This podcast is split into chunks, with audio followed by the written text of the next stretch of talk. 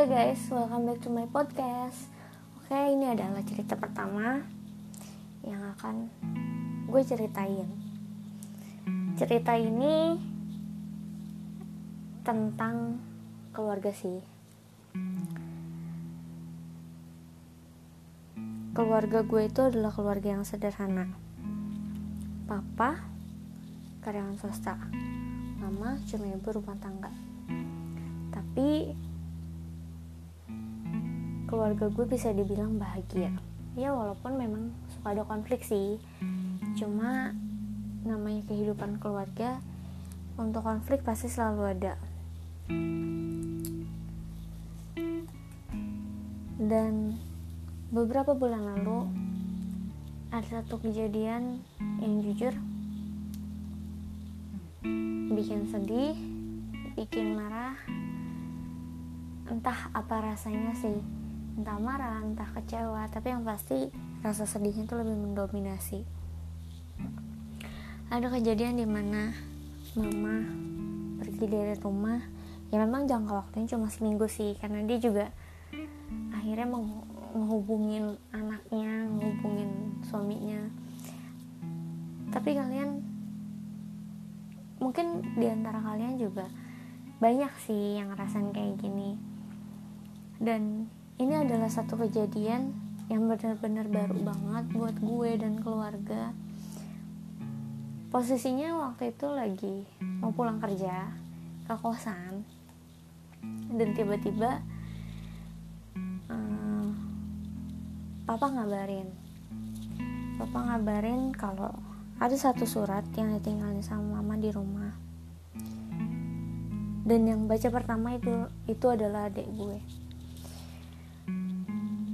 awalnya bingung surat itu surat apa sih? Ya maksudnya mungkin surat biasa lah gitu kan. Dan ternyata difotoin dikirim ke gue gue baca dan gue masih di, di masih di bis sih. Masih di bis jemputan buat ke kosan. Dan jujur di situ rasanya langsung nyesek juga. Nyesek banget deh pokoknya. Untung di situ ada sahabat gue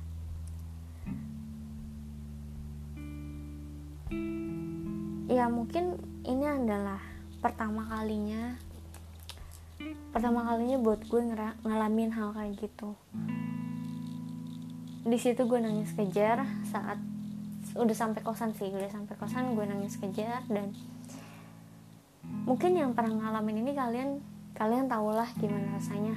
Bahkan lebih tahu mungkin daripada gue kan. Dan di situ gue cuma bisa mikir aja sih cuma bisa mikir kayak Tuhan ini kenapa ya? Dan situ gue cuma bisa bersyukur. Bukan berarti gue bersyukur nyokap hilang atau gimana kan cuma ya situ gue bersyukur kayak Tuhan terima kasih aku nggak tahu gimana rencana Tuhan ke depan buat kehidupan keluargaku. Gue selalu ngomong gitu di saat masa-masa itu. Gue selalu ngomong semua kehendak Tuhan semua kehendak Tuhan. Dan gak lama uh, sekitar tiga, empat hari gue dapet telepon nggak gue dapet wa dari nyokap dari mama. Yang isinya mama minta maaf sama sama gue gitu kan. Dan di situ gue nggak merasa marah. Yang gue rasain adalah Tuhan terima kasih. Akhirnya mama ngabarin gitu kan. Dan gue tahu di sini masalahnya bukan sama papa tapi gue belajar bersyukur. Maksudnya dengan kejadian kayak gini ada hal nggak terduga. Papa mau ke gereja papa janji mau ke gereja dan itu terlaksana. Sangat-sangat bersyukur.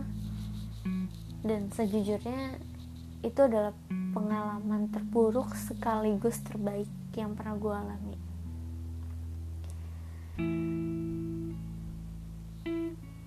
ya gue bingung sih kayak kok bisa keluarga gue ngalamin kayak gini? Kok bisa mama sampai senekat itu gitu kan? Bahkan mama tuh pergi bawa uang pas-pasan. Dan cuma kepi dan satu hal yang gue kepikiran adalah gue takut mama dia papain sama orang